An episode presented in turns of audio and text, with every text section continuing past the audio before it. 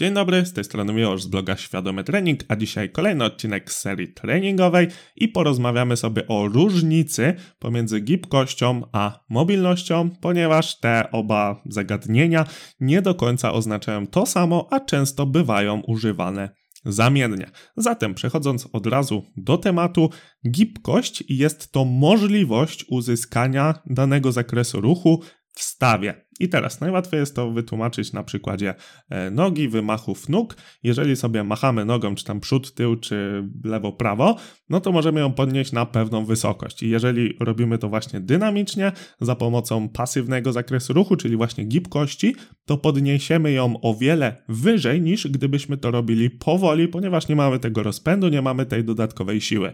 No i właśnie ta pierwsza sytuacja, w której się rozmachujemy i ta noga nam idzie na jakąś wysokość, to jest kwestia mobilności, czyli fakt, że dany staw jest w stanie biernie uzyskać dany zakres ruchu. A teraz mobilność jest to po pierwsze właśnie możliwość uzyskania danego zakresu ruchu, oczywiście, czyli gibkość się składa na mobilność, ale również jest to umiejętność wygenerowania siły w danym zakresie. I teraz właśnie kwestia tego, jak podnosimy sobie powoli nogę, no to ta noga powędruje znacząco niżej i teraz to jest kwestia poniekąd mobilności, czyli kwestia tego, że w danym zakresie ruchu mamy ten zakres jako zakres aktywny, czyli tak również zamienia się słowo gibkość na pasywny zakres ruchu, czyli coś, co jesteśmy w stanie uzyskać z dodatkową zewnętrzną siłą, a mobilnością, która to jest aktywnym zakresem ruchu, czyli którą to jesteśmy w stanie osiągnąć bez dodatkowej siły z zewnątrz. Zatem mobilność to jest gibkość plus siła. I to jest ta najważniejsza różnica, o której chciałbym w dzisiejszym odcinku podcastu właśnie porozmawiać. Dodatkowa siła to może być cokolwiek. To może być sztanga, to może być nawet grawitacja czasem, to może być jakiś przedmiot, o który będziemy się zapierać. Kolejny taki przykład, no to jest jeżeli wyciągniemy sobie ręce w bok i będziemy chcieli jak najbardziej za siebie je wyciągnąć, no to dojdziemy do pewnego momentu. A teraz zaprzyjmy się o futrynę drzwi i spróbujmy zrobić to samo. No i teraz w pierwszym przypadku, kiedy się nie zapieramy, no to mamy aktywny zakres ruchu, czyli kwestię mobilności. Dalej, kiedy zaprzemy się i nie generujemy siły w danym zakresie ruchu, no to to jest kwestia mobilności, czyli samej umiejętności uzyskania danego zakresu ruchu. I cóż, e, mógłbym na tym zakończyć, ponieważ temat dotyczy tylko gibkości i mobilności, ale żeby nie było tak krótko, to poruszę jeszcze dwa dodatkowe tematy, które oczywiście się samym tytułem wiążą. Pierwsza to kwestia tego, że kiedy brakuje nam pewnych zakresów ruchu w treningu siłowym, no to korzystamy z technik manualnych, często rolowania, które rzeczywiście może nam chwilowo ten zakres ruchu powiększyć. Jednak zauważcie, jeżeli my mamy ten nowy zakres ruchu, to on jest słaby i jeżeli go nie przećwiczymy, jeżeli tam nie dostarczymy siły, jeżeli nie nauczymy się w tym zakresie ruchu generować siły, to on pozostanie cały czas tym pasywnym zakresem ruchu, czyli my nie będziemy mieli umiejętności generowania siły właśnie w tym nowym zakresie.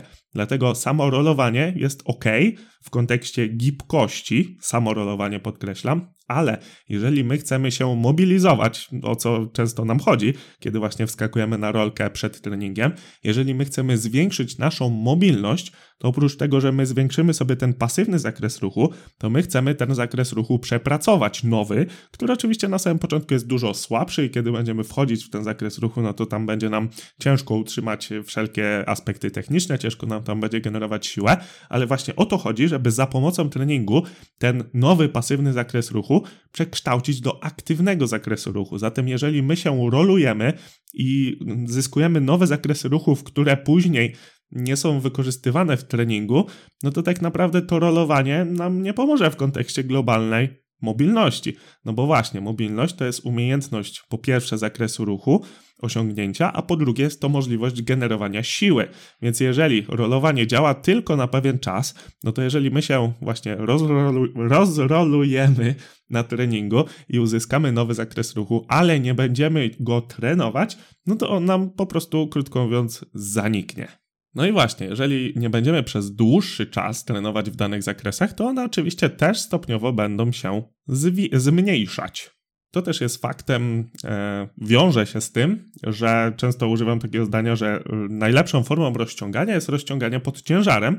No i jest w tym dużo prawdy, ponieważ właśnie podczas rozciągania z ciężarem my musimy nauczyć się w danym zakresie ruchu generować siłę, więc zwiększamy swoją mobilność, a przecież o to nam chodzi, kiedy chcemy się rozciągać, żeby te zakresy ruchu w stawach i niekoniecznie te pasywne, tylko te aktywne się zwiększały. Zatem w zdaniu, że w rozciąganiu, najlepsze rozciąganie to to wykonywane pod ciężarem jest naprawdę sporo prawdy i trzeba pamiętać, że musimy przetrenować ten nowy zakres ruchu. Zatem kiedy my wykonujemy ćwiczenia w pełnym zakresie ruchu, to to jest swego rodzaju forma rozciągania, utrzymania oczywiście zakresów ruchów, a w dłuższej jakiejś tam perspektywie, jeżeli chcemy dopiero nabrać te nowe zakresy ruchu, to również może być to terapia rozciągająca. I teraz zobaczcie, jeżeli my mamy jakiś zakres ruchu, który utrzymujemy powiedzmy sztucznie, bo on nam nie jest do niczego potrzebny, ani nie jest jakoś super zdrowotny, czyli jakieś tam normy w stawach mamy wypełnione, a my chcemy się poza te normy przesuwać, ani do naszego sportu on nie jest potrzebny,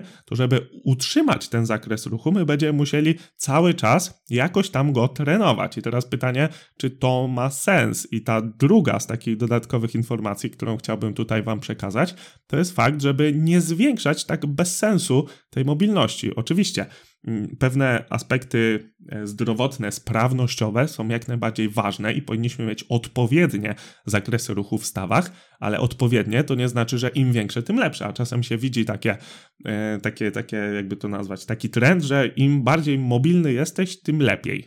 No i cóż, oczywiście w tych granicach normy to jak najbardziej tak, jeżeli mamy pełne zakresy ruchu wszędzie, to jest gites, ale jeżeli my te zakresy ruchu chcemy przeciągać na siłę w jakimś niewyobrażalnym kierunku, to tak naprawdę po pierwsze nie ma to większego sensu, jeżeli nie wykorzystujemy sportu do tego, czyli oczywiście, jeżeli na przykład y, trenujemy olimpijskie podnoszenie ciężarów, które jest mi obecnie bliskie i mamy ten, tę pozycję overhead squat, czyli sztangę nad głową. I na przykład sztanga nam ucieka za nas i my musimy jakoś tam mocno ręce do tyłu odginać, no to fajnie by było mieć ten zakres ruchu i on jest powiedzmy e, dzięki temu, że taki zakres będziemy mieć, no to on nas troszkę ubezpiecza, nazwijmy to, czyli kiedy będziemy musieli zrzucić sztangę za siebie, to jest mniejsze ryzyko kontuzji. I oczywiście, kiedy ja uprawiam dwubój olimpijski, no to taki zakres jest mi mocno przydatny i mam dosyć właśnie duży zakres ruchu w ramionach, zarówno ten pasywny, jak i aktywny. Swoją drogą parę dni temu wrzuciłem taki challenge, gdzie właśnie łapię sztangę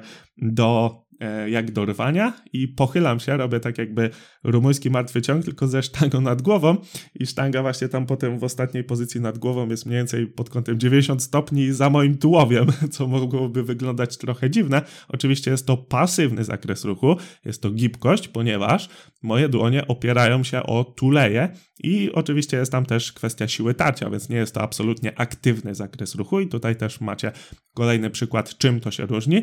No niemniej sama taka gibkość wydaje mi się jest dosyć spora i przydaje mi się ona, właściwie raz mi się przydała, kiedy mi sztanga poleciała za, za mnie i musiałem uciekać, żeby właśnie taki zakres, bezpieczny zakres mieć. Ale jeżeli ktoś uprawia tylko trójbój, nie jest jakimś sportowcem, nie chce nigdzie startować, oczywiście to są dwa różne przykłady, tak? Czyli jak ktoś na przykład jest trójboistą, albo po prostu trenuje sobie rekreacyjnie dla zdrowia, no to nie widzę potrzeby, żeby ta osoba trenowała tak jak ja czasem na rozgrzewce, żeby sobie taki właśnie zakres ruchu utrzymywać, żeby on był cały czas sprawny, osiągalny, no i w pewnych ramach oczywiście też silny, czyli po prostu, żeby była to mobilność, a nie sama gibkość. I jeżeli ktoś by na przykład chciał z jakiegoś powodu taki zakres mieć, no to trzeba pamiętać, że trzeba go regularnie trenować, żeby on był rzeczywiście zakresem ruchu tym aktywnym e, i żeby w ogóle się utrzymał, tak? Bo jeżeli nie będziemy danego ruchu przez jakiś czas wykorzystywać, no to on zaniknie. Więc y, takie maksymalne zwiększanie mobilności bez żadnego sensu jest po prostu bez sensu. I to chciałem Wam tutaj zaznaczyć, ponieważ swego czasu, kiedy też był ten trend na e, rozciąganie, rolowanie, to niektórzy chcieli maksymalnie, jak tylko się da, zwiększyć te zakresy ruchu, a tak naprawdę do niczego one nie były tam potrzebne. Oczywiście przypominam jeszcze raz, żeby być zdrowym, żeby być sprawnym, odpowiednie zakresy ruchu trzeba mieć ale to nie są jakieś maksymalne turbo nie wiadomo jakie zakresy, tak? Czyli oczywiście w kwestii zdrowotnej utrzymujemy zdrowe zakresy ruchu, ale nie chcemy jakoś bardzo ich zwiększać, jeżeli nam to nie jest do niczego przydatne i warto na to zwrócić uwagę. Dobra, a jeżeli zaczynasz dopiero przygodę z treningiem siłowym i chcesz dowiedzieć się więcej tego typu informacji na temat treningu, chcesz wejść bezproblemowo w ten świat, to odsyłam Cię do mojego kursu Podstawy treningu siłowego. Wszelkie informacje z ofertą oraz z agendą tego kursu znajdziesz oczywiście w linku w opisie. I to wszystko, co dzisiaj dla Ciebie miałem. Jeżeli chcesz otrzymywać jeszcze więcej podcastów i innych materiałów edukacyjnych, brać udział w rozdaniach suplementów lub po prostu cenisz moją pracę, to przejdź co mogę Ci zaoferować na moim Patronite, do którego link znajdziesz oczywiście w opisie. Przypominam, że na Spotify i iTunes jest możliwość oceny, także jeżeli podobają Ci się moje podcasty, to wystaw mi jedyną słuszną ocenkę, czyli oczywiście piątkę. Jeżeli masz do mnie pytania, to napisz do mnie na Instagramie albo pod adres kontaktmałpa świadomytrening.pl. Mówił Miłosz Szkudlarek i słyszymy się w następnym podcaście. Dzięki.